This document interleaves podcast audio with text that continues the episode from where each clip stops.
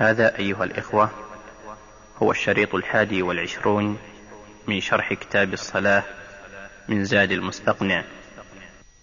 يقول ساجدا على سبعة أعضاء. سبعة أعضاء وبينه. قال رجليه ثم ركبتيه ثم يديه ثم جبهته مع أنفه. كم هذه؟ سبعة. نعد زين. رجليه. ثم ركبتيه أربعة. ثم ها؟ ثم يديه. ستة. ثم جبهته مع أنفه. جبهة وأنف؟ الجبهة والأنف واحد؟ واحد؟ عضو واحد. طيب. لو قطم الإنسان أنف رجل كان فيه نصف الدية ولا دية كاملة؟ طيب إذا كان هو الجبهة عضو واحد معناه ما قطم إلا نصف العضو. طيب نقول الواقع أن الجبهة والأنف ليس شيء واحد في الحقيقة. لكن الرسول عليه الصلاة والسلام ألحق الأنف بالجبهة إلحاقا. وسنتلو الحديث. روى ابن عباس رضي الله عنهما عن رسول الله صلى الله عليه وسلم أنه قال أمرنا أن نسجد على سبعة أعظم أو أعضاء على الجبهة وأشار بيده إلى أنفه وهنا لو كانت الجبهة لو كان الأنف من الجبهة حكما وحقيقة ما أشار إليه أليس كذلك؟ ولو كان عضوا مستقلا لنص عليه وجعله مستقلا وقال على الجبهة وعلى الأنف. إذا فهو تابع تابع فهو من الجبهة حكما لا حقيقة لا حقيقة. ولهذا أشار إليه النبي صلى الله عليه وسلم إشارة طيب الجبهة واليدين يقول المؤلف ثم يديه. يديه والحديث كفيه والكفين. فهل بينهما فرق؟ لا. لأن اليد عند الإطلاق هي الكف فقط. اليد عند الإطلاق هي الكف فقط.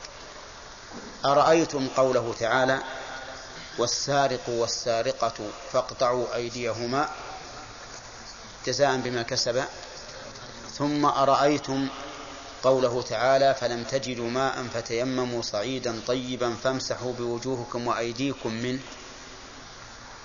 ماذا يطلق عليه لفظ اليدين في الآيتين؟ الكف. ولهذا يقطع السارق من مفصل الكف. وفي التيمم أرى النبي صلى الله عليه وسلم عمار بن ياسر كيف مسح اليدين فمسح ظاهر كفيه ومسح الشمال على اليمين.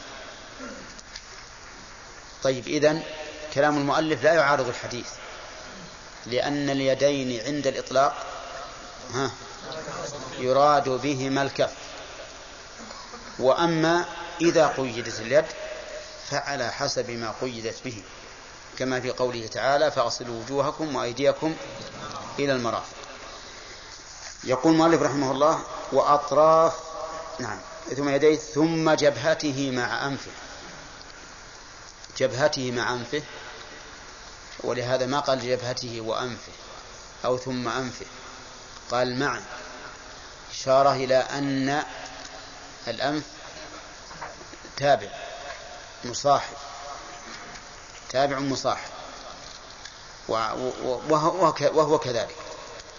وبقي علينا نظر آخر في هذه العبارة. أولا قال المؤلف على سبعة أعضاء رجليه أليس هو قائما على رجليه من الأصل؟ آه. في السجود ربما يرفعهما. ربما يرفعهما إذا سجد. كذا ولا لا؟ طيب ولهذا نص عليه حتى لا يرفعهما إذا سجد. ثم قال المؤلف ثم ركبتيه ثم يديه. فأفادنا المؤلف بالنص الصريح أن الركبتين مقدمتان على اليدين. أن الركبتين مقدمتان على اليدين. وهذا الذي ذهب إليه عمر بن الخطاب رضي الله عنه وعامة أهل العلم. ومنه منهم الأئمة الثلاثة أحمد وأبو حنيفة والشافعي. على أن الركبتين مقدمتان على اليدين. وهذا مقتضى النص. مقتضى النص المروي عن النبي صلى الله عليه وسلم فعلا والذي ثبت عنه أو كاد يثبت قولا. وهو أيضا مقتضى النظر الصحيح. أما الأول وهو أنه مقتضى النص فلأن النبي صلى الله عليه وسلم روي عنه أنه كان إذا سجد بدأ بركبتيه قبل يديه. لكن هذا الحديث طعن فيه كثير من أهل العلم وقالوا إنه ضعيف. وأما ما ثبت عنه قولا أو كاد يثبت فهو حديث أبي هريرة وهو قوله عليه الصلاة والسلام إذا سجد أحدكم فلا يبرك كما يبرك البعير. فإن الرسول صلى الله عليه وسلم نهى أن يبرك الرجل كما يبرك البعير. والبعير إذا برك يقدم يديه فيقدم مقدمه على مؤخره كما هو ظاهر. وقد ظن بعض أهل العلم أن معنى قوله فلا يبرك كما يبرك البعير يعني فلا يبرك على ما يبرك عليه البعير. وأنه نهى أن يبرك الإنسان على ركبتيه. وعلى هذا فيقدم يديه. ولكن بين اللفظين فرق واضح. ولكن بين اللفظين فرقا واضحا. فإن النهي في قولك كما يبرك نهي عن الكيفية لأن الكاف للتشبيه. وأما النهي فلا يبرك على ما يبرك لو كان بهذا اللفظ لكان نهيا على ما يسجد عليه. وعلى هذا فلا يسجد على الركبتين لأن البعير يسجد على أو يبرك على ركبتيه وأما النظر فلأن الوضع الطبيعي للبدن أن ينزل شيئا فشيئا. أن ينزل شيئا فشيئا كما أنه يقوم من الأرض شيئا فشيئا. فإذا كان ينزل شيئا فشيئا فالأسفل منه ينزل قبل الأعلى. وإذا قام شيئا فشيئا فالأعلى يكون قبل الأسفل. وعلى هذا فيكون هذا هذا القول الذي عليه عامة أهل العلم هو الموافق للمنقول والطبيعة. والطبيعة. لكن مع ذلك لو أن إنسانا كان ثقيلا أو مريضا أو في ركبتيه ما يشق عليه به السجود على الركبتين. ففي هذه الحال نقول لا بأس أن الإنسان يفعل ويقدم اليدين ويكون النهي ما لم ما لم يوجد سبب يقتضيه. فإن وجد سبب يقتضيه كالحاجة لمرض أو كبر أو ألم في الركبتين أو غير ذلك فإن هذا لا بأس به. لأن مبنى الدين الإسلامي ولله الحمد على اليسر والسهولة. ففي القرآن الكريم يقول الله تعالى يريد الله بكم اليسر. والإرادة هنا شرعية يعني أن الشرع هو التيسير.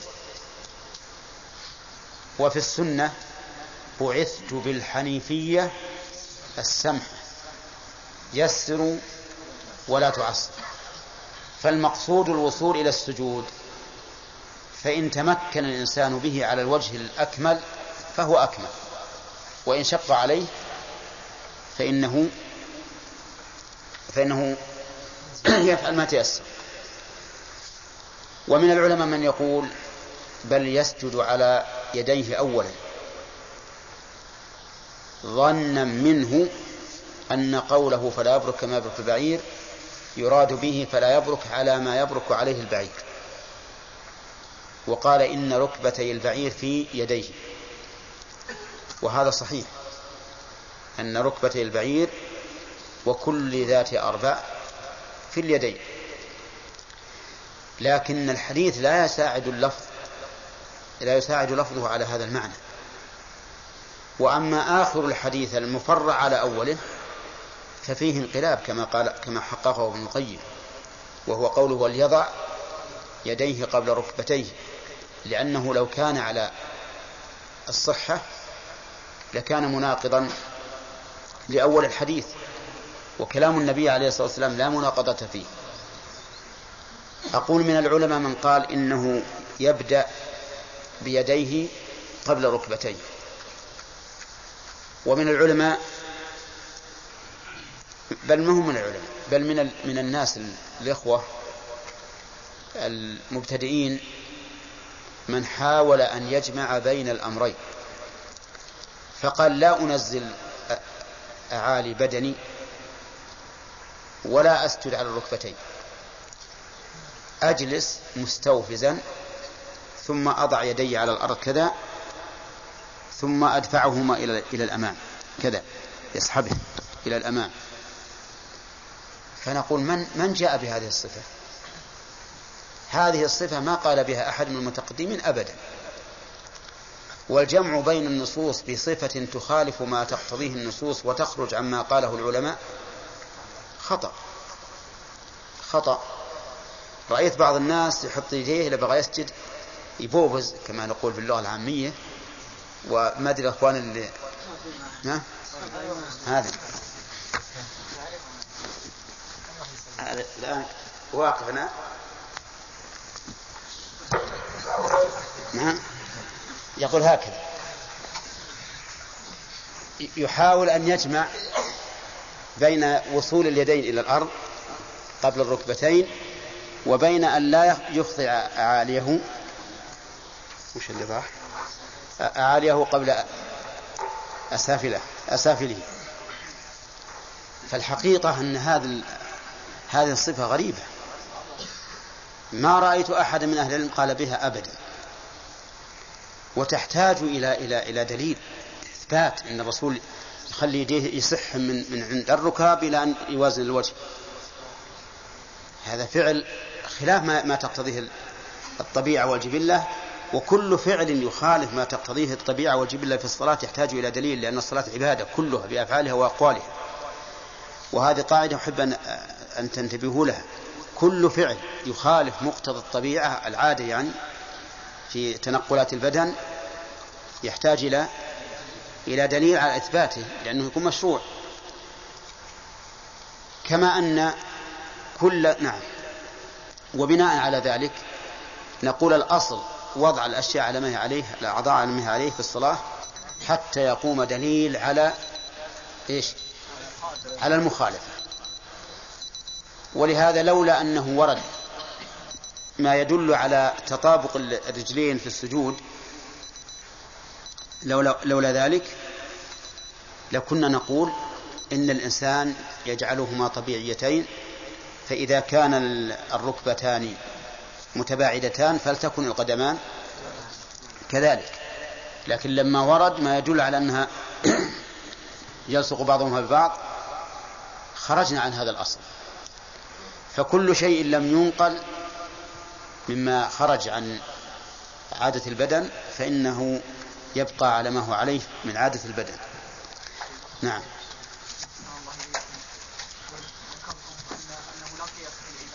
نعم. نعم. مر علينا ان أن قلنا أنه يجوز للمعتكف أن يخرج من معتكفه إذا اشترط ذلك. نعم. قياسا على حديث مباح بن الزبير نعم. وها نحن قسم ما هو هذه هذه ما هي في الصفة. هذه ما هي في الصفة. هذه ليست في الصفة لأن الرسول قال إن لك على ربك ما استثنيت. فهذا التعليل يدل على أن كل عبادة تلزم بالدخول فيها إذا استثنى فيها الإنسان فله ذلك. أقول التعليل فإن لك على ربك ما استثنيت. يدل على أن كل عبادة إذا شرع فيها الإنسان لزمته فإنه إذا استثنى فيها فله على ربه ما استثناه. يعني في علة تشير إلى هذا. نعم.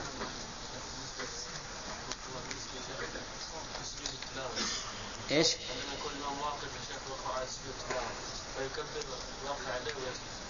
لا. لا هذا قال الفقهاء إنه يشرع.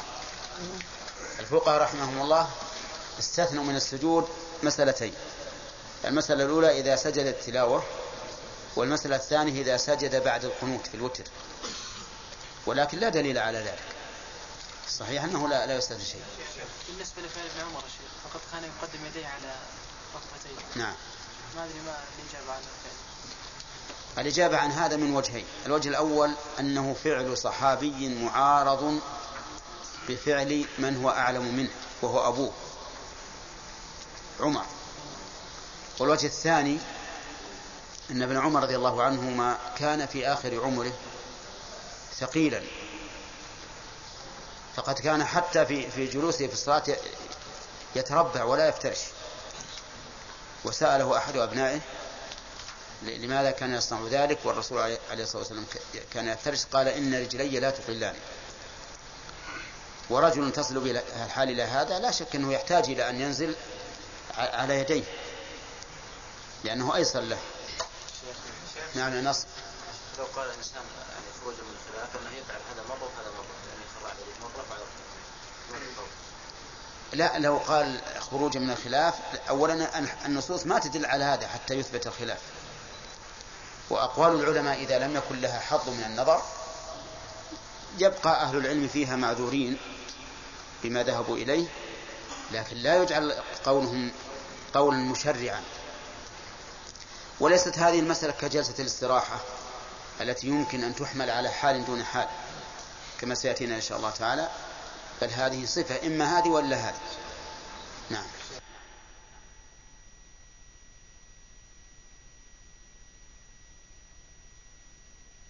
نبينا محمد وعلى آله وأصحابه أجمعين. يخر مكبرا ساجدا على سبعة أعضاء رجليه ثم ركبتيه ثم يديه ثم جبهته مع أنفه. وأوردنا إشكالا على قوله رجليه. بندر ما هو الإشكال؟ نعم رجليه إيه؟ يعني مضمومتين أو لا لا أوردنا إشكالا على كون على قول المؤلف رجليه مع أن الرجلين في الأرض من أصل. أي نعم نعم ولذلك إذا سجد فإنهما يرتفعان عن الأرض. إذا سجد فلا يرفعهما نعم. عن الأرض. نعم. طيب ثم إن كيفيتهما في القيام غير كيفيتهما في السجود. نعم. أليس كذلك؟ طيب. يقول على ثم جبهته مع أنفه.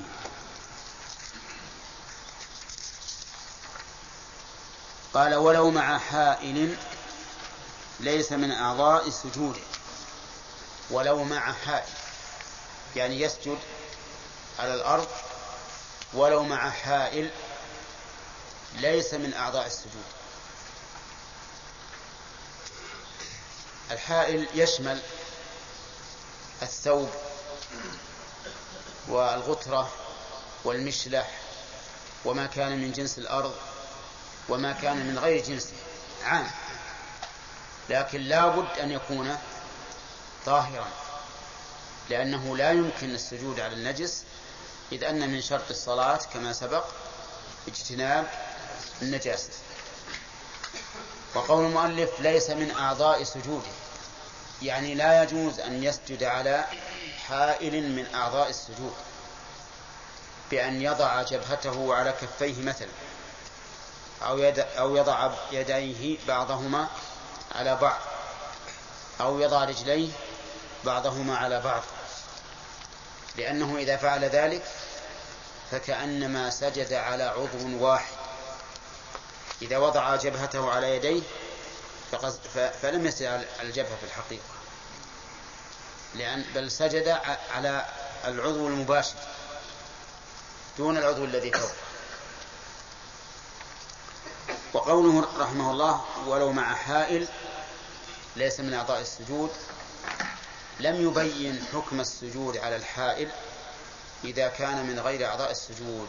إنما بين أن أن السجود مجزي مع الحائل. لكن ما حكم وضع الحائل؟ قال أهل العلم إن الحائل ينقسم إلى قسمين. قسم متصل بالمصلي فهذا يكره أن يسجد عليه إلا من حاجة مثل الثوب الملبوس والمشلح الملبوس والغترة وما أشبهه. ودليل ذلك حديث أنس بن مالك رضي الله عنه. قال كنا نصلي مع النبي صلى الله عليه وسلم في شدة الحر فإذا لم يستطع أحدنا أن يمكن جبهته من الأرض بسط ثوبه فسجد عليه.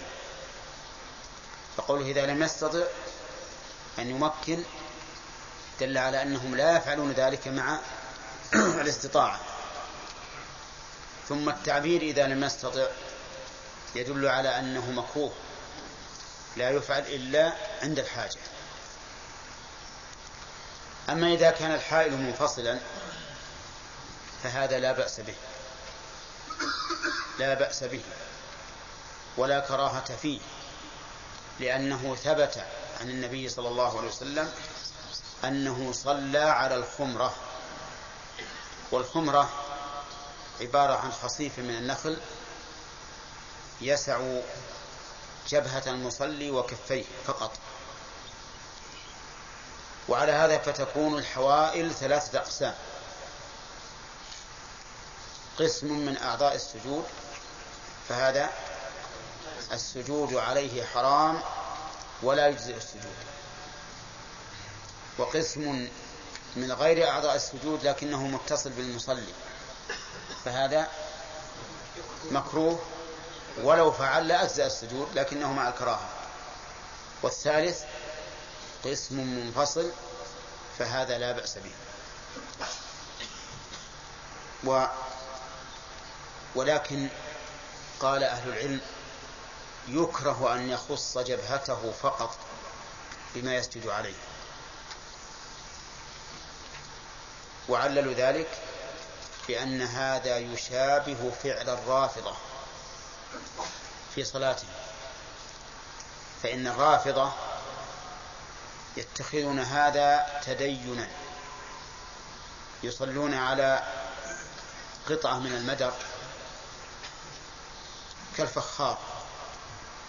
يصنعونها مما يسمونه النجف الأشرف.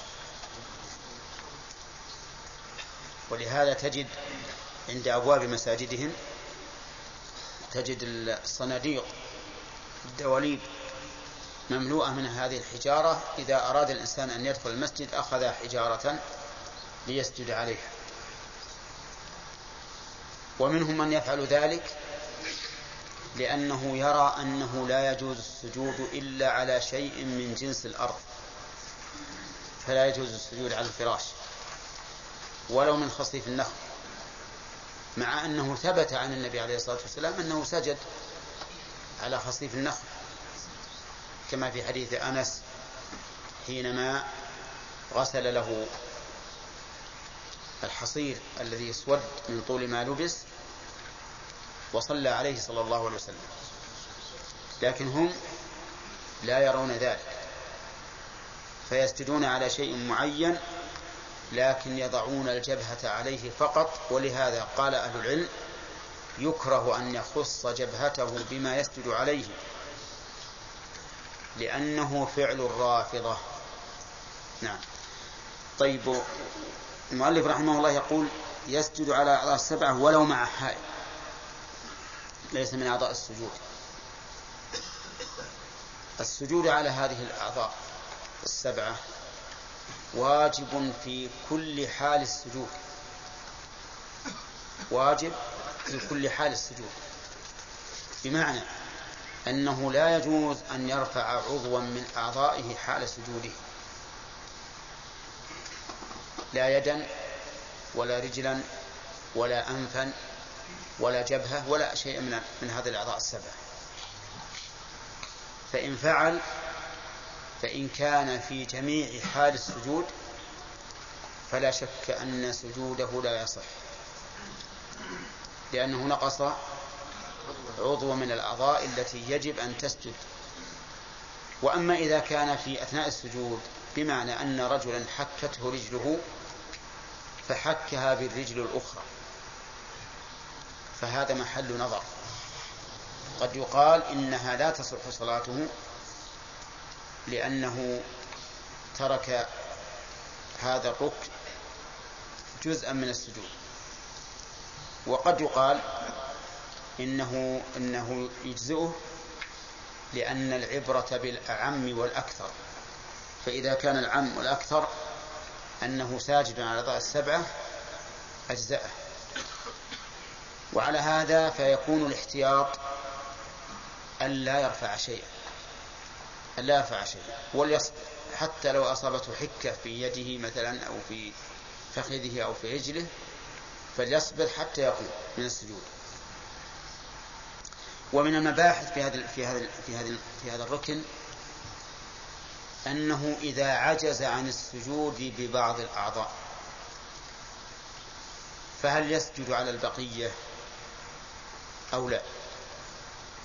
نقول لدينا قاعدة تبين هذا وغيره. وهي قوله تعالى فاتقوا الله ما استطعتم. وقول النبي صلى الله عليه وسلم إذا, أتي إذا أمرتكم بأمر فأتوا منه ما استطعتم. فإذا قدر أن أن إحدى يديه جريحة لا يستطيع أن يسجد عليها فليسجد على بقية الأعضاء. لقوله تعالى فاتقوا الله ما استطعتم. وإذا قدر أنه قد عمل عملية في عينيه وقيل له لا تسجد على الأرض فليومي ما أمكنه وليضع من أعضاء السجود ما أمكنه. وأما قول بعض الفقهاء من عجز عن السجود بالجبهة لم يلزمه بغيرها فهذا مسلم في بعض الأحوال. مسلم فيما إذا كان لا يستطيع أن ينحني بحيث يكون إلى السجود التام أقرب منه إلى الاعتدال التام. فهذا مسلم أن يقال لا يلزمك السجود مثلا لو كان ما يستطيع إلا أن يقول هكذا ما نقول ضع يديك. لأنه لو وضع يديه ليس, ليس كهيئة الساجد.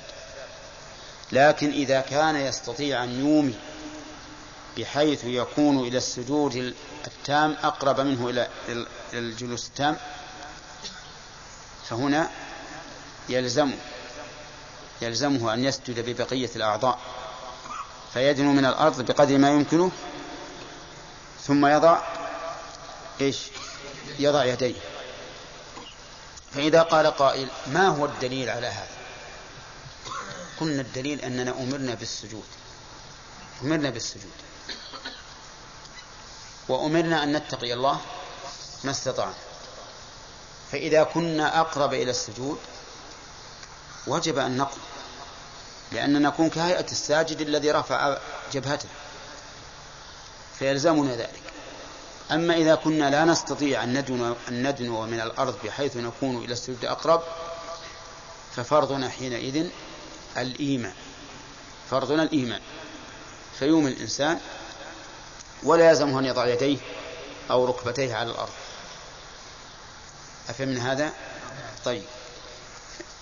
إذن آه ذيلنا هذا الأمر ببحثين. ما هما؟ استدامة السجود على الأعضاء السبعة والثاني إذا عجزنا عن بعضها فهل يلزمنا البعض الآخر وعرفتم التفصيل. فإذا قال قائل ما هي الحكمة من السجود؟ وما هو السر في هذا السجود؟ قلنا لأنه من كمال التعبد لله والذل له. فإن الإنسان يضع أشرف ما فيه بحذاء أدنى ما فيه. كذا يضع أشرف ما فيه وهو وجهه بحذاء أسفل ما فيه وهو قدمه. وأيضا يضعه على موطئ الأقدام. على موطئ الأقدام. كل هذا تعبدا لله تعالى وتقربا إليه. ومن أجل هذا التطامن والنزول للرب عز وجل صار أقرب ما يكون الإنسان من ربه وهو ساجد. مع أنه أعلى يعني مع أنه لو قام لكان أعلى وأقرب. كلما على الإنسان كان أقرب الله عز وجل لكن هذا نزل حتى صار في الأسفل ولنزوله لله عز وجل صار أقرب إلى الله. من تواضع لله رفعه. هذا هو الحكمة والسر في هذا السجود العظيم. ولهذا ينبغي لنا أن تسجد قلوبنا قبل أن تسجد جوارحنا قبل أن تسجد أعضاؤنا.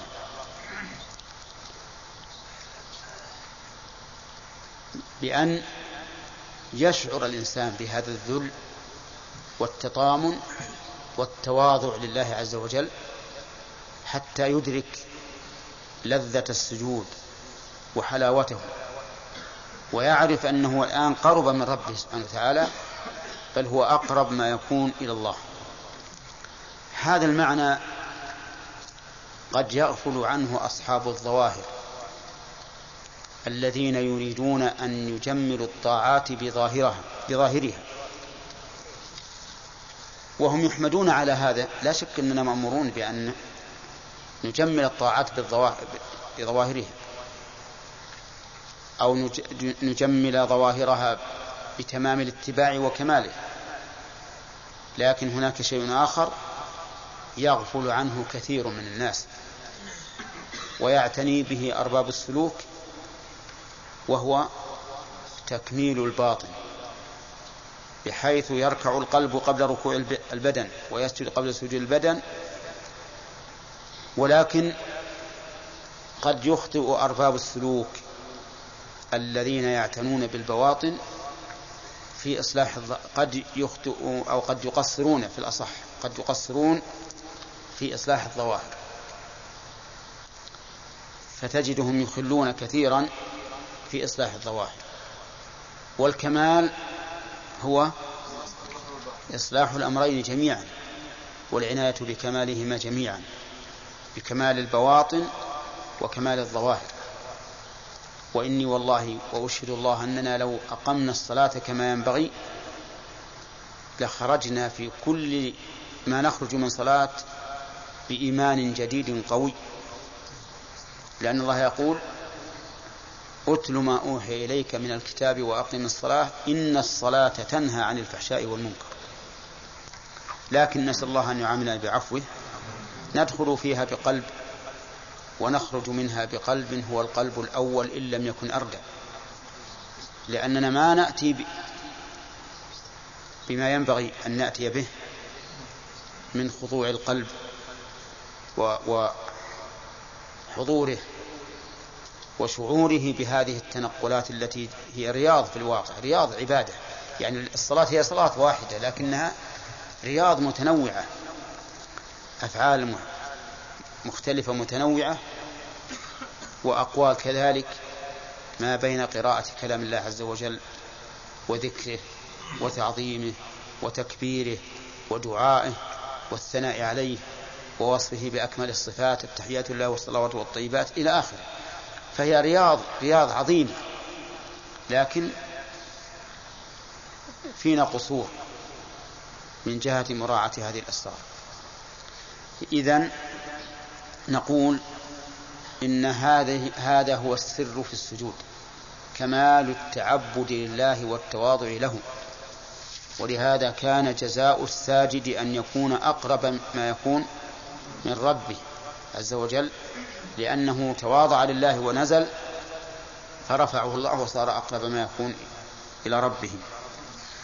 وقد ورد في الحديث أن الله حرم على النار أن تأكل أعضاء السجود. في من يدخل النار من من العصاة.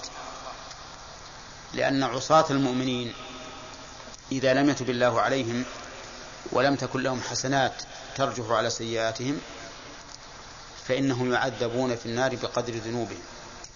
لكن أعضاء السجود محترمة.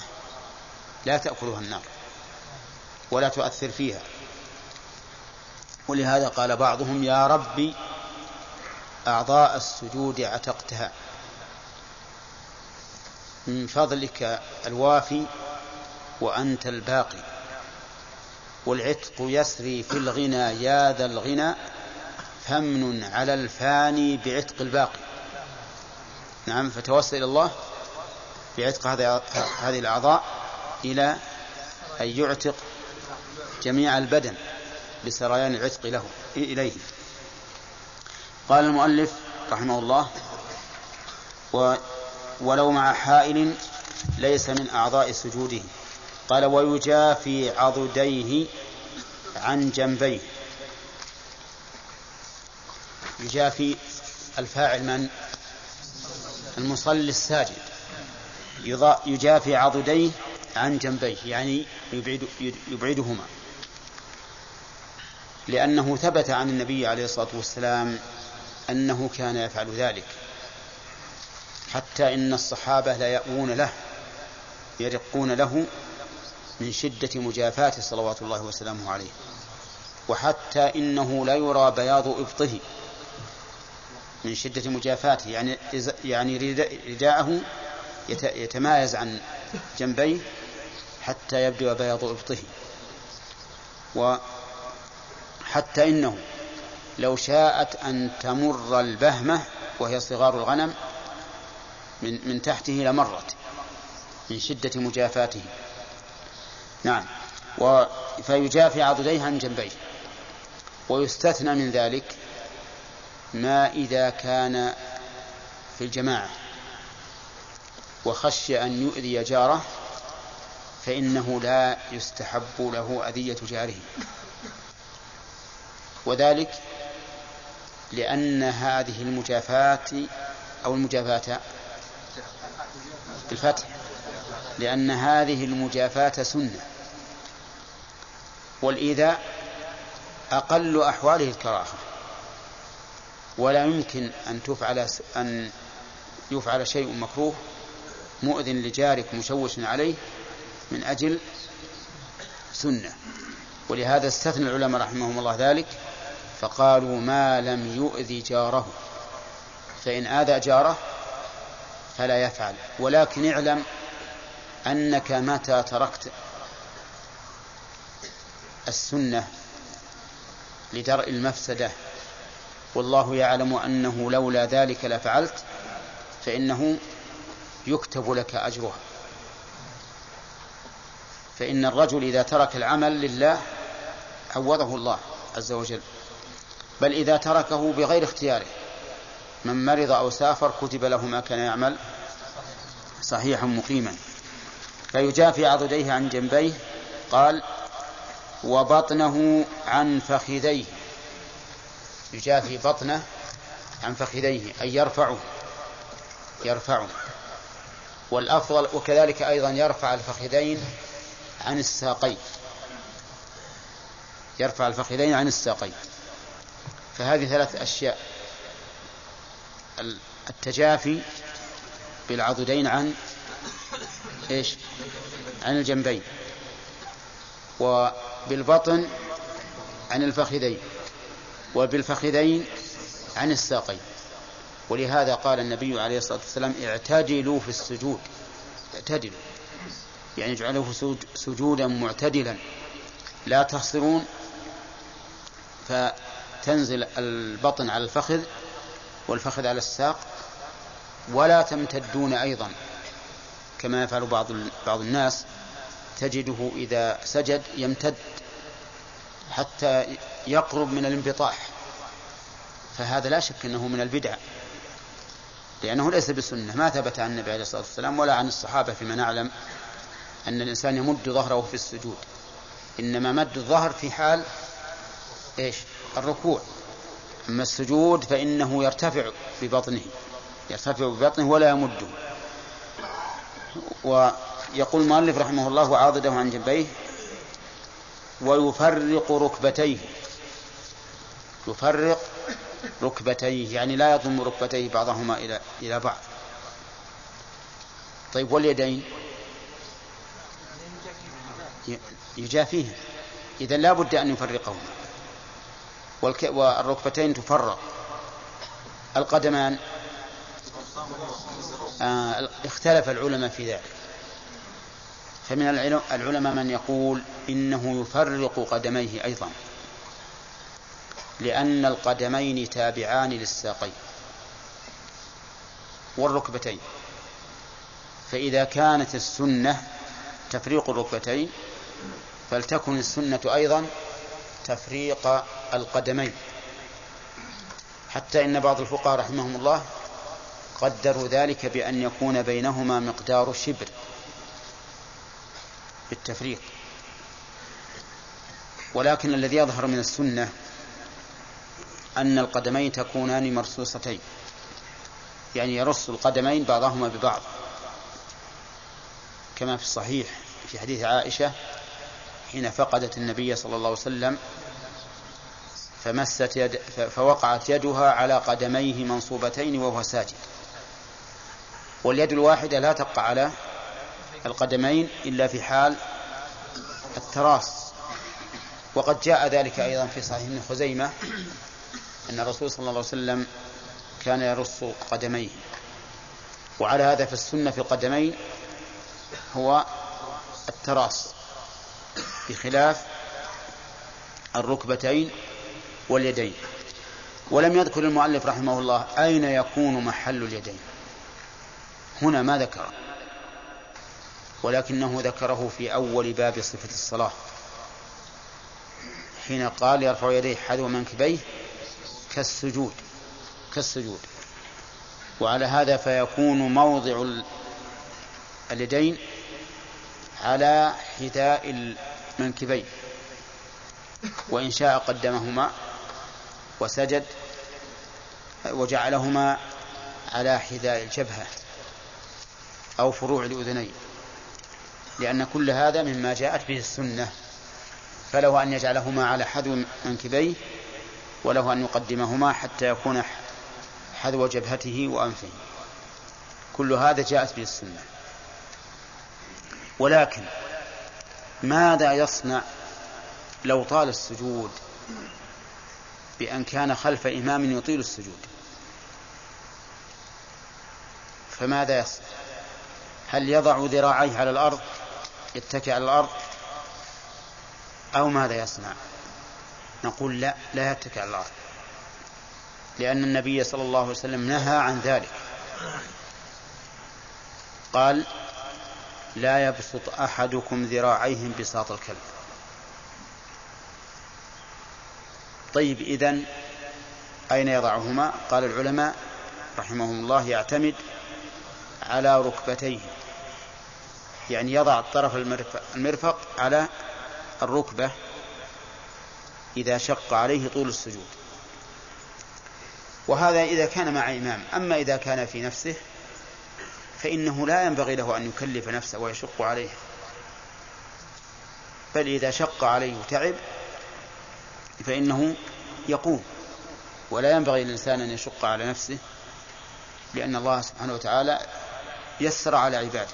نعم. يقول رحمه الله ويجافي عن و... ويفرق ركبتيه ويقول سبحان ربي الأعلى.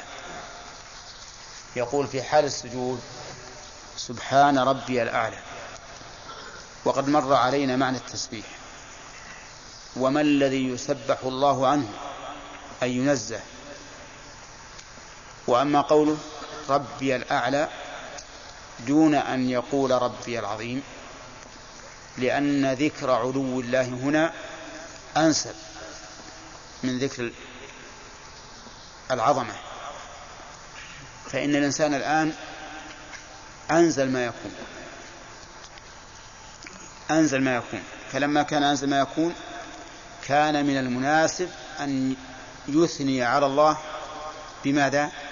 بالعلو. بالعلو. وانظر إلى الحكمة والمناسبة في مثل هذه الأمور. كيف كان الصحابة رضي الله عنهم في السفر؟ إذا علوا شيئا كبروا. وإذا هبطوا واديا سبحوا لماذا؟ لأن الإنسان إذا علا وارتفع قد يتعاظم في نفسه ويتكبر ويعلو. فناسب أن يقول الله أكبر ليذكر نفسه بكبرياء الله عز وجل. أما إذا نزل فإنه فإن النزول لا شك أنه نقص. فكان ذكر التسبيح أولى. تنزيه الله عز وجل عن النقص الذي أنا كنت فيه الآن انحدرت. فكان هذا من المناسب أن الإنسان يذكر نفسه بما هو أعلى منها ونظير هذا من بعض الوجوه أن الرسول صلى الله عليه وسلم كان إذا رأى شيئا يعجبه من الدنيا يقول لبيك إن العيش عيش الآخرة. سبحان الله. لبيك. وش المناسبة لبيك؟ لأن الإنسان إذا رأى ما يعجبه من الدنيا ربما يلتفت إليه فيعرض عن الله فيقول لبيك استجابة لله عز وجل ثم يوطن نفسه فيقول إن العيش عيش الآخرة فهذا العيش الذي يعجبك لا تغتري به عيش زائل. العيش حقيقة هو عيش الآخرة. ولهذا كان من السنة إذا رأى الإنسان ما يعجبه في الدنيا وخاف أن تنقاد نفسه إليه أن يقول لبيك إن العيش عيش الآخرة. ذكرنا هذا استطرادا. المهم أن الإنسان يقول في سجوده سبحان ربي الأعلى وما المراد بالعلو؟ أعلو المكان أم علو الصفة؟ نعم. يشمل الأمرين جميعا. وهذا أمر أعني أنه يشمل الأمرين جميعا متفق عليه في فطر الناس. إلا من اجتالته الشياطين عن فطرته. فإن علو الله عز وجل علو ذات أمر مفطور عليه الخلق. لو أنك قلت للعام ماذا تريد بقولك سبحان ربي الأعلى؟ وش يقول؟ عيش زائل. العيش حقيقة هو عيش الآخرة. ولهذا كان من السنة إذا رأى الإنسان ما يعجبه في الدنيا وخاف أن تنقاد نفسه إليه أن يقول لبيك إن العيش عيش الآخرة. ذكرنا هذا استطرادا. المهم أن الإنسان يقول في سجوده سبحان ربي الأعلى. وما المراد بالعلو؟ أعلو المكان أم علو الصفة؟ نعم. يشمل الأمرين جميعا. وهذا أمر أعني أنه يشمل الأمرين جميعا. متفق عليه في فطر الناس إلا من اجتالته الشياطين عن فطرته. فإن علو الله عز وجل علو ذات أمر مفطور عليه الخلق. لو أنك قلت للعام ماذا تريد بقولك سبحان ربي الأعلى؟ وش تقول ماذا تريد ماذا تريد بهذا الكلام؟ علو المكان يعني علو علو الذات ولا ولا يدري عن علو الصفة. ومع ذلك فقد أنكر علوه في ذاته من أنكره ممن يستقبلون قبلتنا. ولا شك أنه أنهم خالفوا الكتاب والسنة وإجماع السلف والعقل والفطرة. ولو رجعوا إلى فطرهم لعرفوا أن هذا أمر لا بد منه لا بد من الإقرار به. هم عندما يصيبهم شيء يندهشون منه بسرعة أين تنصرف قلوبهم؟ ها؟ إلى السماء إلى العلو. هم يقفون بعرفة يدعون الله ويرفعون أيديهم ولا ينزلون الأرض. ها؟ يرفعون أيديهم. ومن العجيب أنهم يرفعون أيديهم ويدعون أن الله في الأرض. نسأل الله العافية. المهم أننا نشعر بقولنا سبحان ربي الأعلى بأن الله علي في ذاته وعلي في صفاته. بل هو أعلى أعلى من كل شيء. والله تعالى وصف نفسه أحيانا بالأعلى وأحيانا بالعلي لأن الوصفين ثابتان له العلو وكونه أعلى كما أنه يوصف بأنه الكبير وأنه الأكبر. نعم. وبالعليم وإيش؟ وبالأعلم. وصيغة التفضيل صيغة التفضيل في هذه الأشياء على بابها وليست بمعنى اسم الفاعل كما يدعيه بعض العلماء. طيب. الله تعالى ثم يرفع رأسه مكبرا. يرفع رأسه يعني وما يتبعه من اليدين. مكبرا حال من فاعل يرفع. وعلى هذا فيكون التكبير في حال إيش؟ في حال الرفع. لأن هذا التكبير تكبير انتقال. وتكبير الانتقالات كلها تكون ما بين الركنين. لا يبدأ بها قبل ولا يؤخرها إلى ما بعد لأنه إن بدأها قبل أدخلها على أذكار الركن الذي انتقل منه وإن أخرها أدخلها على أذكار الركن الذي انتقل إليه. فالسنة أن يكون التكبير في حال الانتقال مكبرا ويجلس مفترشا يسراه يجلس يعني بين بعد السجدة الأولى مفترشا يسراه يعني جاعلا لها كالفراش. هذا من الافتراش والفراش يكون تحت الإنسان. أي يضع, يضع أي يضعها تحته. مفترشا لها لا جالسا على عقبيه. بل يفترشها وعليه فيكون ظهرها إلى الأرض وبطنها إلى أعلى. هذا معنى الافتراش. يقول مفترشا يسراه ناصبا يمناه. ناصبا يمناه يعني جاعلها منتصبة. والمراد القدم. وحينئذ لا بد أن يخرجها من من يمينه. فتكون الرجل اليمنى مخرجة من اليمين واليسرى مفترشة. وهذه الصفة متفق عليها أي أنه يجلس بين السيدتين هكذا لا يجلس متوركا. لا يجلس متوركا.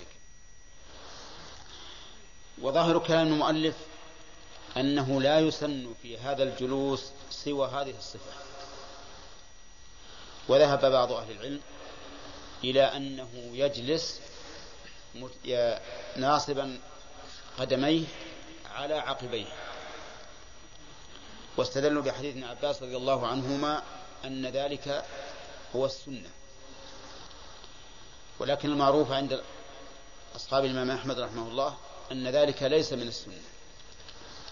لأن أكثر الأحاديث الواردة عن النبي صلى الله عليه وسلم كلها تصف هذه الجلسة بالافتراش.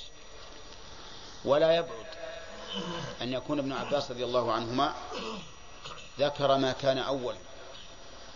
فإن صفة الجلوس قد تكون كصفة الركوع وكان المسلمون في أول الأمر يركع الرجل فيضع يديه بين فخذيه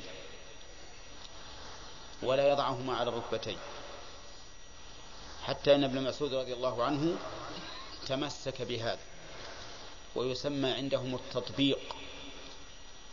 ولم يعلم ابن مسعود بالسنة التي نسخت هذا الفعل مع أنه منسوخ بلا شك. صح عن النبي صلى الله عليه وسلم هذا. فالفقهاء رحمهم الله يرون أن هذه الجلسة ليس لها إلا صفة الافتراش فقط. ويقول المؤلف ناصبا يمناه ويقول رب اغفر لي وارحمني إلى آخره. لم يذكر المؤلف رحمه الله أين يضع اليدين وكيف يضعهما مع أنه من من الأمر المهم. في هذه الجلسة يضع يديه على فخذيه. وينتهي الوضع إلى الركبة. هذه صفة صفة ثانية أنه يضع اليد اليمنى على الركبة واليد واليد اليسرى تلقم الركبة يعني يمسكها هكذا كأنه قابض لها كأنه قابض لها.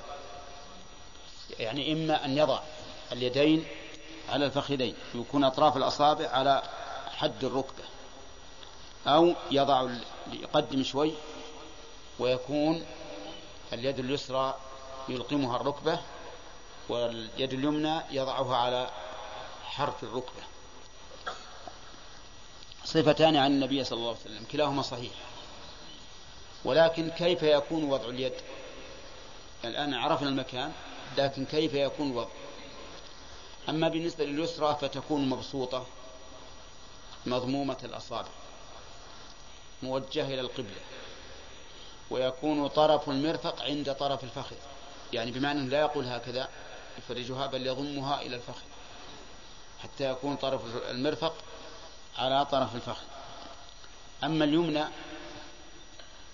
فإن السنة تدل على أنه يقبض منها الخنصر والبنصر ويحلق الإبهام مع الوسطى ويرفع السبابة ويحركها عند الدعاء. هكذا جاء فيما رواه الإمام أحمد من حديث وائل بن حجر.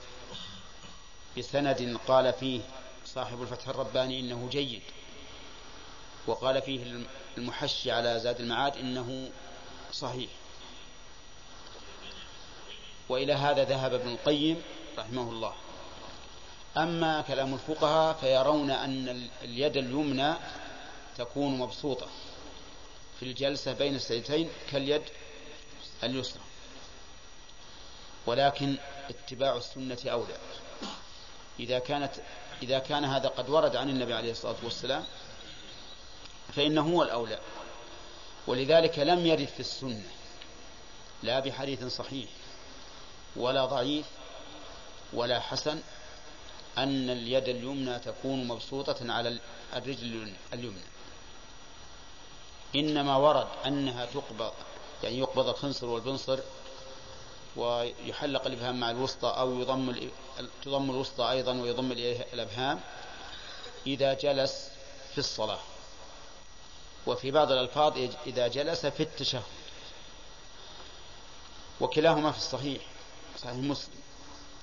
فنحن إذا أخذنا كلمة إذا جلس في الصلاة قلنا هذا عام في جميع الجلسات. وقوله إذا جلس في التشهد في بعض الألفاظ لا يدل على التخصيص لأن لدينا قاعدة ذكرها الأصوليون وممن كان يذكرها دائما الشوكاني في نيل الأوطار والشنقيطي في أضواء البيان على أنه إذا ذكر بعض أفراد العام بحكم يطابق العام فإن ذلك لا يدل على التخصيص. يعني ذكر بعض أفراد العام بحكم يوافق العام ليس ذلك تخصيصا إنما التخصيص أن يذكر بعض أفراد العام بحكم يخالف العام. مثال الأول قلت لك أكرم الطلبة هذا عام يشمل كل طالب. ثم قلت أكرم فلانا وهو من الطلبة. فهل هذا يقتضي أن لا أكرم سواه؟ لا. لكن يقتضي أن هناك عناية من أجلها خصصته بالذكر. أما إذا قلت وهو المثال مثال للثاني أكرم الطلبة ثم قلت لا تكرم فلانا وهو من الطلبة فهذا تخصيص. لأن الأول ذكرت فلانا بحكم يوافق العام وهنا ذكرته بحكم يخالف الخاص. نعم يخالف العام. ولهذا يقولون في تعريف العام إخراج بعض أفراد العام. أه نعم ما يخالف تخصيص بعض أفراد العام بحكم يخالف أو إخراج بعض أفراد العام من الحكم. فهو لا بد أن يكون مخالفا. أما إذا كان موافقا فإن الجمهور جمهور الأصوليين كما حكاه صاحب وضوء البيان يرون أنه لا يفيد التخصيص وهو ظاهر كما في المثال الذي ذكرنا له. وعلى هذا فيكون بعض ألفاظ حديث ابن عمر الذي خص بالتشهد لا يقتضي التخصيص من أفراد من, من بعض ألفاظه الدالة على العموم. أما الفقهاء رحمهم الله فقالوا إنه في هذه الجلسة يبسط يده اليمنى كما يبسط يده اليسرى وبناء على كلام الفقهاء تكون كل جلسة من جلسات الصلاة مخالفة للأخرى من أجل التمييز كيف ذلك؟ لأن الجلسة بين بين السجدتين افتراش مع كون اليدين مبسوطتين. في التشهد الأول افتراش لكن اليمنى تقبض. في التشهد الأخير تورك وإن كان يوافق التشهد الأول في قبض اليد. فهم رحمهم الله يجعلون لكل جلسة صفة تميزها عن الصفة الأخرى. ولكن كما قلت لكم إن اتباع السنة أولى من اتباع الرأي. نعم. أما ما يقول في هذا في هذه الجلسة فيقول المؤلف يقول رب اغفر لي. وسكت عما سواه. اقتصر رحمه الله على الواجب. ولكن الصحيح أنه يقول كلما ذكر عن النبي عليه الصلاة والسلام. رب اغفر لي وارحمني وعافني واهدني وارزقني. أو اجبرني بدل ارزقني. وإن شاء جمع بينها لأن المقام مقام ذكر. يعني مقام دعاء. قوله رب اغفر لي يعني أنك تسأل الله سبحانه وتعالى أن يغفر لك الذنوب كلها أو الصغائر. كلها. الصغائر والكبائر. والمغفرة هي ستر الذنب والعفو عنه. مأخوذة من المغفر الذي يكون على رأس الإنسان عند الحرب يتقي به السهام. وأما ارحمني فهو طلب رحمة الله عز وجل التي بها حصول المطلوب. وبالمغفرة زوال المرهوب. هذا إذا جمع بينهما. أما إذا فرق المغفرة فرقت المغفرة عن الرحمة فإن كل واحدة منهما تشمل الأخرى. ولهذا نظائر في اللغة العربية. فالفقير والمسكين إذا ذكر جميعا صار لكل واحد منهما معنى. وإذا أفرد أحدهما الآخر صار معناهما واحدا. يعني إذا اجتمع افترقا وإذا افترقا اجتمعا. وأما قوله ارزقني فهو طلب الرزق. ولكن ما هو الرزق؟ هل هو ما يقوم به البدن أو ما يقوم به الدين؟ ها؟ كلاهما. كلاهما يعني أن رزق الله عز وجل ما يقوم به البدن من طعام وشراب ولباس وسكن وما يقوم به الدين. من علم وإيمان وعمل صالح. فهل نحن نستحضر هذه المعاني عندما نقول ارزقني؟ وش نستحضر؟ ها؟ يعني ما تستحضر إلا أن الله يرزق طعام وشراب ولباس؟ ها؟ أو ما نستحضر شيء أبد نقول هذا على أنه دعاء يقال في هذا المكان. نعم. على كل حال الإنسان ينبغي له أن يعود نفسه أن يعود نفسه على استحضار هذه المعاني العظيمة حتى يخرج منتفعا. فإذا قال ارزقني يعني ارزقني ما به قوام البدن وما به قوام الدين. قوام البدن بالطعام والشراب واللباس والمسكن وقوام الدين بالعلم والإيمان والعمل الصالح. طيب. وعافني من أي مرض. أما إذا كان الإنسان صحيحا فالظاهر أنه يقول عافني لأنها دعاء مسنون في هذا المكان دون أن يستحضر شيئا. وإن كان مريضا بدنيا مرضا بدنيا ها استحضر أنه يسأل الله أن يعافيه من هذا المرض البدني. أما إذا كان مريضا مرضا قلبيا وما أكثر الأمراض القلبية. نسأل الله أن يعافينا منها. فما أدري أنا أستحضر ذلك أو لا. نعم؟ ما أدري. على كل حال ينبغي للإنسان إذا سأل الله العافية في هذا المكان أو غيره أن يستحضر أنه يسأل الله العافية عافية البدن وعافية القلب. ولا حرج أن يقول عافني في بدني وقلبي حتى يستحضر. لأن لأنه إن لم يقل هذا قد يغفر. طيب اجبرني. الجبر يكون من النقص. الجبر يكون من النقص.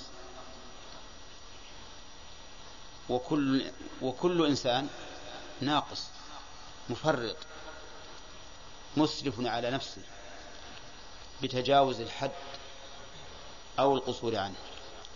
يحتاج إلى جبر حتى يعود سليما بعد كسره. ولكن جبر من كسر العظم ولا منين؟ ها؟ نعم. من من كسر العظام البدنية ومن كسر العظام المعنوية. الإنسان يحتاج إلى جبر يجبر له النقص. الذي يكون فيه. فهذه المعاني التي تذكر في الأدعية ينبغي للإنسان أن يستحضرها. فإن قال قائل أليس يغني عن ذلك كله؟ أن يقول اللهم ارحمني. لأن الرحمة عند الإطلاق بها حصول المحبوب وزوال المكروه. فالجواب بلى. لكن مقام الدعاء ينبغي فيه البسط. لكن البسط على حسب ما جاءت به السنة. ما هو بالبسط الذي يذكرون بعض الناس يجعلونه من هذا إلى مكة أو إلى مصر أو غيره أدعية مسجوعة يمكن لا يكون لها معنى أو لها معنى غير صحيح. لماذا كان المشروع فيه البسط؟ لأسباب. أولا أن الدعاء عبادة. وكلما ازددت في العبادة ازددت خيرا. ثانيا أن الدعاء مناجاة لله عز وجل. وأحب من وأحب شيء إليك هو الله عز وجل. ولا شك أن كثرة المناجاة مع الحبيب مما تزيد في الحب. أليس كذلك؟ طيب. ثالثا أن يستحضر الإنسان ذنوبه. لأن الذنوب أنواع. الذنوب أنواع. فإذا كرر إذا زيد بالدعاء استحضر.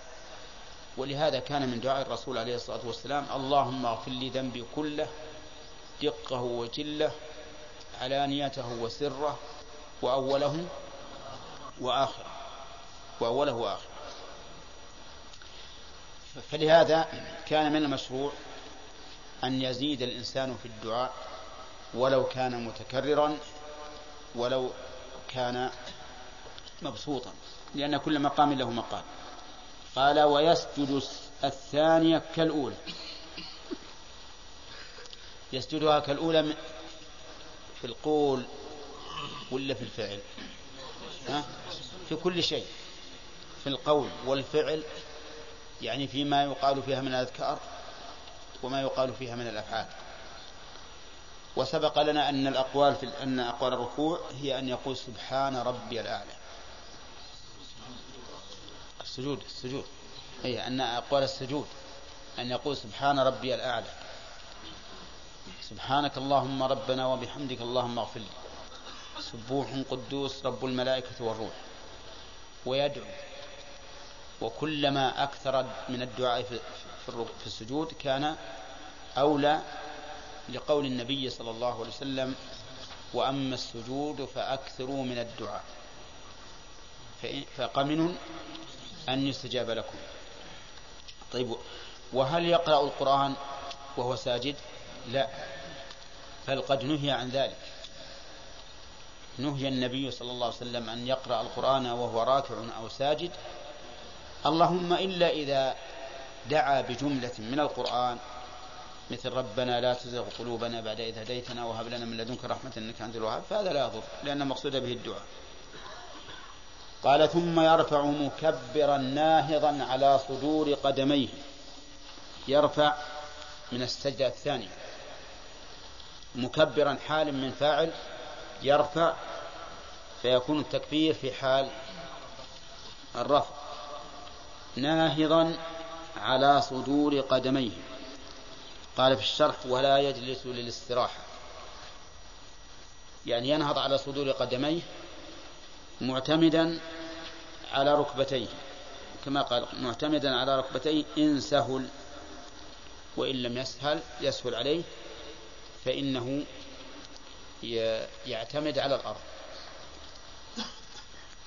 يقول رحمه الله ناهضا على صدور قدميه. ويبدأ بالنهوض من السجود يبدأ بالجبهة والأنف ثم باليدين فيضعهما على الركبتين ثم ينهض على صدور القدمين. هذا هو السنة على ما ذهب إليه المؤلف رحمه الله. فاستفدنا من كلامه أنه لا يجلس إذا قام إلى الركعة الثانية. وهذه المسألة فيها خلاف بين أهل الحديث وبين الفقهاء أيضا. فمنهم من قال إنه لا يجلس كما ذكره المؤلف. فلا يسن الجلوس مطلقا. لكن إن احتاج إليه جلس لا للتعبد ولكن لمشقة النهوض.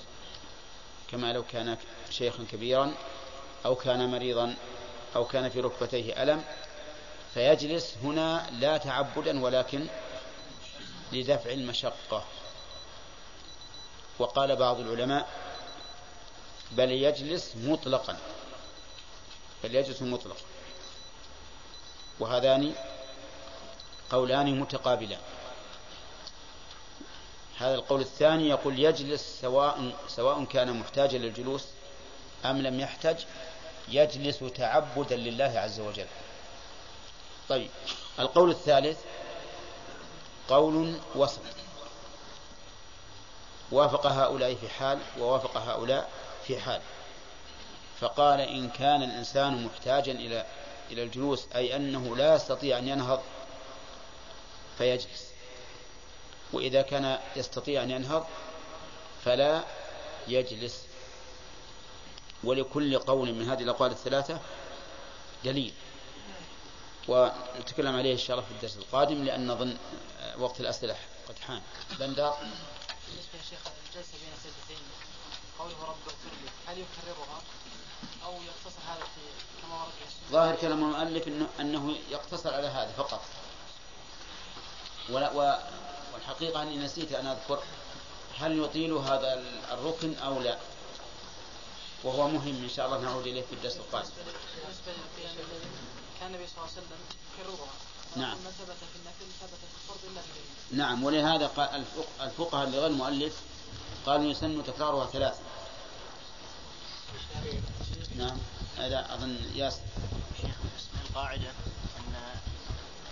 القاعدة اللي قررناها أن أن الأوراد توقيفية لا يقال فيه بشيء إلا ما ورد النص. والآن قلنا في الدرس أنه إذا جمع بين ارزقني واجبرني أو مثلا قال آه، مثلا عافني بالقلب وبالبدن نعم. أن هذا جائز. إي نعم. كيف نوفق بين القاعدة؟ أصل هذه الأدعية ليس معناها إن, إن محصور فيها. ليس محصورا وإلا لو كن لو أخذنا بهذا لقلنا لا يجوز لنا أن نقرأ في الصلاة إلا بما قرأ به النبي عليه الصلاة والسلام لأن توقيفية لكن إذا علمنا أن هذا مكان دعاء نجعله مكان دعاء إذا علمنا مكان ذكر نجعله مكان ذكر لو زاد نعم ثبت في السنة النبي صلى الله عليه وسلم أمر أن يقال رمى عن عذاب جهنم من عذاب واحد نقل في السجود أن هذه الأدعية جامعة. نعم. يعني المكان يعني مكان استجابة. نعم نقول إذا إذا إذا نقلها تعبدا فهذا غلط. وإن نقلها لأنها دعاء يحب أن يدعو الله به فلا بأس. لكن يذكرها أيضا إذا فرغ من التشهد الأخيرة لأن الرسول صلى الله عليه وسلم أمر به.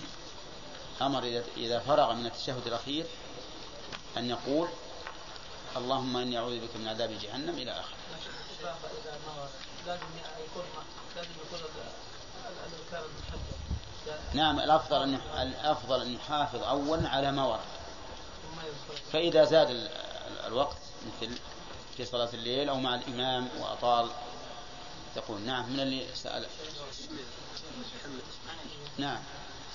ما يتذكر قلنا في دروس سابقة أنه يعني من يدعي يعني أنه في الحديث آه، إما نسخ أو أنه هو الإسلام فعليه نعم. من لم يأتي بذلك يعني فلا فلا دليل وقلنا قول الحنابلة نعم. أنه هذا آه، قول ابن عباس أن ذلك من السنة والنص الاثنين نعم. هذا متأخر أو يعني قول منسوخ؟ منسوخ منسوخ مو متأخر.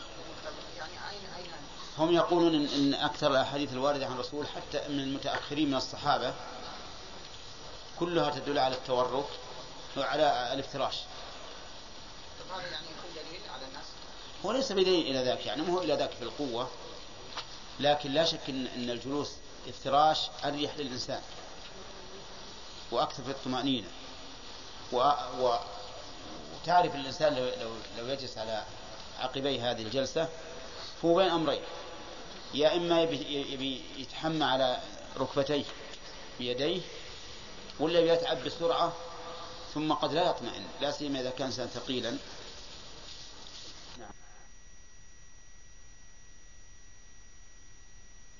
وعلى آله وأصحابه أجمعين الحمد لله رب العالمين. قال المؤلف رحمه الله تعالى ويصلي الثانية كذلك ما عدا التحريمة والاستفتاح والتعوذ وتجديد النية ثم تجديد. وتجديد النية ثم يجلس مفترشا ويداه على فخذيه يقبض الخنصر الخنصر اليمنى وبنصرها ويحلق إبهامها مع الوسطى. بس. بسم الله الرحمن الرحيم الحمد لله رب العالمين. والصلاة والسلام على نبينا محمد وعلى آله وأصحابه أجمعين. سبق لنا أن الإنسان إذا قام من السجود يقوم مكبرا ناهضا على صدور قدميه. ولكن المؤلف قيده بقوله إن سهل يعني فإن شق فعل ما تيسر. إن شق فعل ما تيسر. وهذا مبتدا الدرس الأول آه، درسنا هذا هذه الليلة. والذي ذهب إليه المؤلف رحمه الله من كون المصلي يقوم معتمدا على ركبتيه على صدور قدميه هو المشهور من مذهب الحنابلة. وعلى هذا فلا يسن أن يجلس عند القيام إلى الثانية أو القيام إلى الرابعة. وهذه الجلسة تسمى عند العلماء جلسة الاستراحة. ومعلوم أن إضافتها إلى الاستراحة يعطيها حكما خاصا بما إذا كان الإنسان يستريح بها. بما إذا كان الإنسان يستريح بها. ولهذا رفض بعضهم أن تسمى جلسة الاستراحة. وقال يجلس ولا نقول جلسة استراحة ولا غير استراحة. لأننا إذا سميناها جلسة الاستراحة رفعنا عنها حكم التعبد وصارت لمجرد الاستراحة. ولكن في هذا شيء من النظر لأن الاستراحة للتقوي على العبادة عبادة. كقول الله تعالى يريد الله بكم اليسر ولا يريد بكم العسر. فتسمية العلماء لها قاطبة فيما نعلم بجلسة الاستراحة. لا ينكر لأننا نقول حتى وإن سميناها جلسة استراحة فإن التعبد لله بها إذا كان الإنسان يستريح بها لينشط على العبادة يجعلها عبادة. المهم نحن وعدنا بأن نتكلم على خلاف العلماء في هذه الجلسة. فالمشهور من المذهب كما رأيت أنها لا تسن مطلقا بل السنة أن ينهض على صدور قدميه معتمدا على ركبتيه سواء كان نشيطا أو غير نشيط. وقال بعض العلماء بل يجلس لأنه ثبت في صحيح البخاري من حديث مالك بن الحويرث أن النبي صلى الله عليه وسلم كان إذا كان في وتر من صلاته لم ينهض حتى يستوي قاعدا. حتى يستوي قاعدا. وكذلك في نفس الحديث أنه كان يعتمد على يديه أي يعتمد على الأرض ثم يقوم. يعتمد على الأرض ثم يقوم.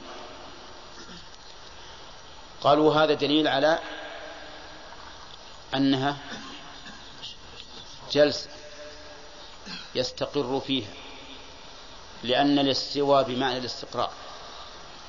ومنه قوله تعالى لتستووا على ظهوره ثم تذكروا نعمة ربكم إذا استويتم عليه وتقولوا سبحان الذي سخر لنا هذا وما كنا له مقرنين وإنا إلى ربنا لمنقلبون. فإذا كان مالك بن حويرث يروي هذا عن رسول الله صلى الله عليه وسلم وهو الذي روى قوله صلى الله عليه وسلم صلوا كما رأيتموني أصلي وقد جاء في وفد قومه في السنة التاسعة في آخر حياة النبي صلى الله عليه وسلم فإن هذا يدل على أنها مستحبة وأنها من الجلسات المندوبة. وليست من الجلسات التي تفعل بمقتضى الطبيعة والجبلة. وفصل بعض العلماء في هذا وقال قد روي عن النبي عليه الصلاة والسلام أنه كان لا يجلس وأنه كان يجلس. ومن المعلوم أن لرسول الله صلى الله عليه وسلم حالين حالا فيها كان نشيطا شابا قويا وحالا كان فيها دون ذلك. فإنه كان عليه الصلاة والسلام في آخر حياته يصلي الليل قاعدا. أكثر من سنة يصلي قاعدا. وكان عليه الصلاة والسلام سبق سابق عائشة فسبقها ثم سابقها فسبقته. نعم. ثم إنه عليه الصلاة والسلام كان يحب أن ييسر على نفسه في العبادة. وكذلك يحب أن ييسر الإنسان على نفسه في العبادة. حتى إنه أنكر على الذين قالوا نصوم ولا نفطر ونقوم ولا ننام ولا نتزوج النساء. ومنع عبد الله بن عمرو بن العاص من أن يصوم الدهر. وأرشده إلى أن يصوم يوما ويدع يوما ومنعه من أن يقوم الليل كله وأرشده إلى أن ينام نصف الليل ويقوم ثلثه وينام سدسه. وهذا دليل على أن شريعة النبي عليه الصلاة والسلام مبنية على اليسر والسهولة. وكان مالك بن حويرث قدم إليه في آخر حياته فكان صلى الله عليه وسلم يحب التيسير على نفسه فيجلس ثم يعتمد بيديه على الأرض. وهذا يدل على أن قيامه فيه شيء من المشقة بدليل اعتماده على الأرض. لأن من لم من كان نشيطا فإنه وإن جلس وإن جلس للتشهد أو لغير التشهد لا يحتاج إلى الاعتماد. فلولا أنه كان عليه الصلاة والسلام محتاجا إلى هذه الجلسة ما ما اعتمد عند النهوض منها وقالوا أيضا إن من المعلوم أن جميع أفعال الصلاة المستقلة أركان وأن كل ركن له ذكر خاص وهذه ليست ركنا بالإجماع. أكثر ما فيها أن العلماء اختلفوا في مشروعيتها. أما أنها ركن فإنه قد نقل غير واحد الإجماع على أنها ليست ركن. وأيضا كل فعل من أفعال الصلاة له له ذكر وهذه ليس لها ذكر فدل على أنها فعل ليس فعل عبادة وعليه فنقول إن احتاج الإنسان إليها صارت مشروعة لغيره للراحة وعدم المشقة وإن لم يحتج فليست بمشروعة.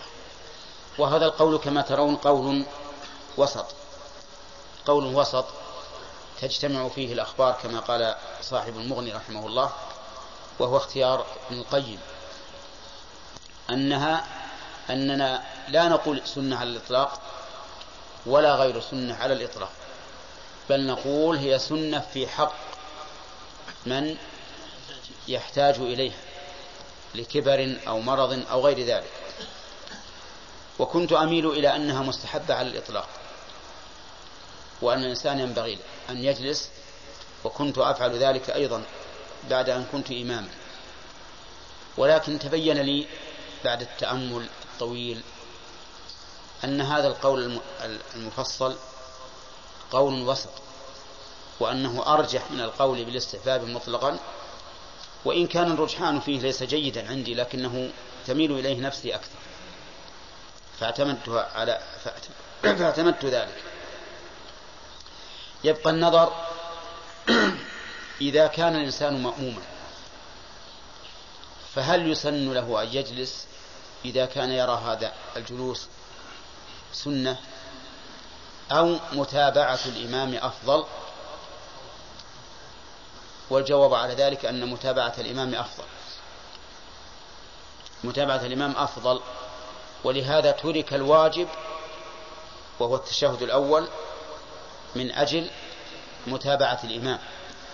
وفعل الزائد كما لو أدرك الإمام في الركعة الثانية فإنه سوف يتشهد في إيش؟ في أول ركعة فيأتي بتشهد زائد كل ذلك من أجل متابعة الإمام.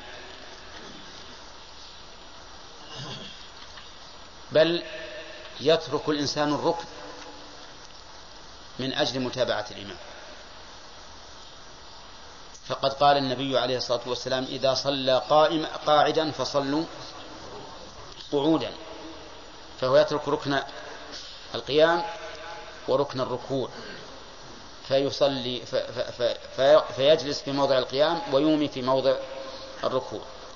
كل هذا من أجل متابعة الإمام. فإن قال قائل الجلسة هذه يسيرة. لا يحصل فيها أو لا يحصل بها تخلف عن الإمام.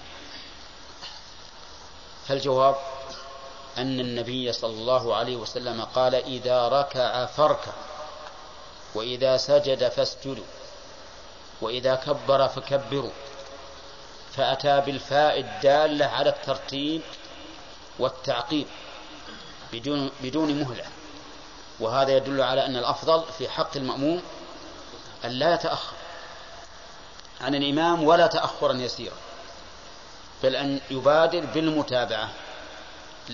فلا يوافق ولا يسابق ولا يتأخر. بل يكون مبادرا للفعل مع الإمام. وهذا هو حقيقة الائتمام أن لا تتأخر عن إمامك وأن لا تسبقه وأن لا توافقه. فإذا كان الأمر بالعكس بأن كان الإمام يرى هذه الجلسة وأنت لا تراها فإن الواجب عليك أن تجلس. لأنك لو لم تجلس لقمت قبل إمامك وهذه مسابقة. والمسابقة حرام. لقول النبي عليه الصلاة والسلام أما يخشى الذي يرفع رأسه قبل الإمام أن يحول الله رأسه رأس حمار أو يجعل صورته صورة حمار.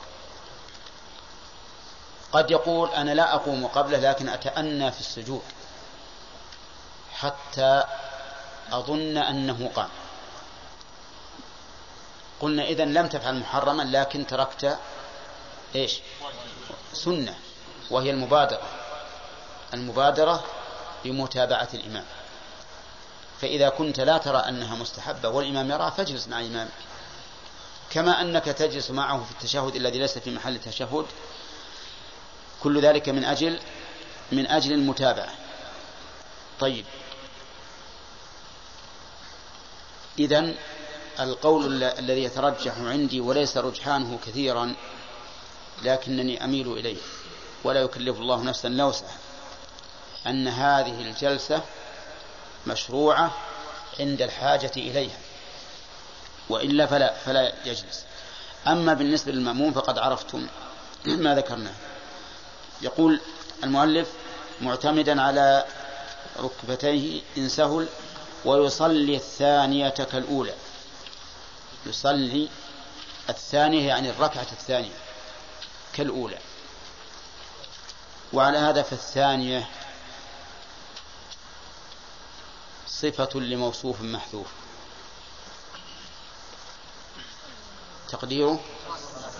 الركعة. فإذا قال قائل هل يجوز أن يحذف الموصوف وتبقى الصفة؟ نقول نعم وهذا كثير جدا. هذا كثير في القرآن وكلام الناس. قال الله تعالى أن اعمل سابغات وقدر في السر. أي دروعا سابغات. وقال إلا الذين آمنوا وعملوا الصالحات. أي الأعمال الصالحات وأمثالها كثير. لكن الذي يقل هو العكس وهو حذف النعت وبقاء المنعوت لأن النعت وهي الصفة هي المقصودة هو المقصود. ولهذا قال ابن مالك وما من المنعوت والنعت عقل يجوز حذفه وفي النعت يقل. يقول الثانية كالأولى ما عدا التحريم كذلك نعم. أي كالأولى يصليها كالأولى. يعني في القيام والركوع والسجود والجلوس وما يقال فيه ثم استثنى المؤلف فقال ما عدا التحريمة أي تكبيرة الإحرام. لماذا؟ لأن التحريمة تفتتح بها الصلاة. وقد استفتحت. بل لو أنه كبر ناويا التحريمة بطل الصلاة.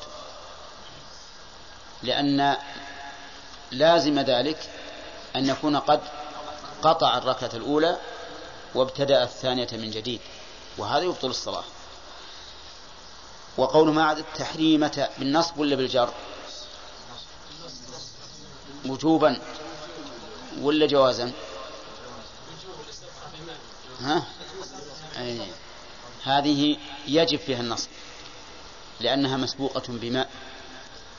أما لو خلت من ماء جاز الوجهان قال ما عدا التكبيرة ما عدا التحريمة. والاستفتاح. أيضا الاستفتاح لا لا يسن لا يسن في الركعة الثانية. لأن الاستفتاح تفتتح به الصلاة بعد التحريم فلا يعاد مرة أخرى.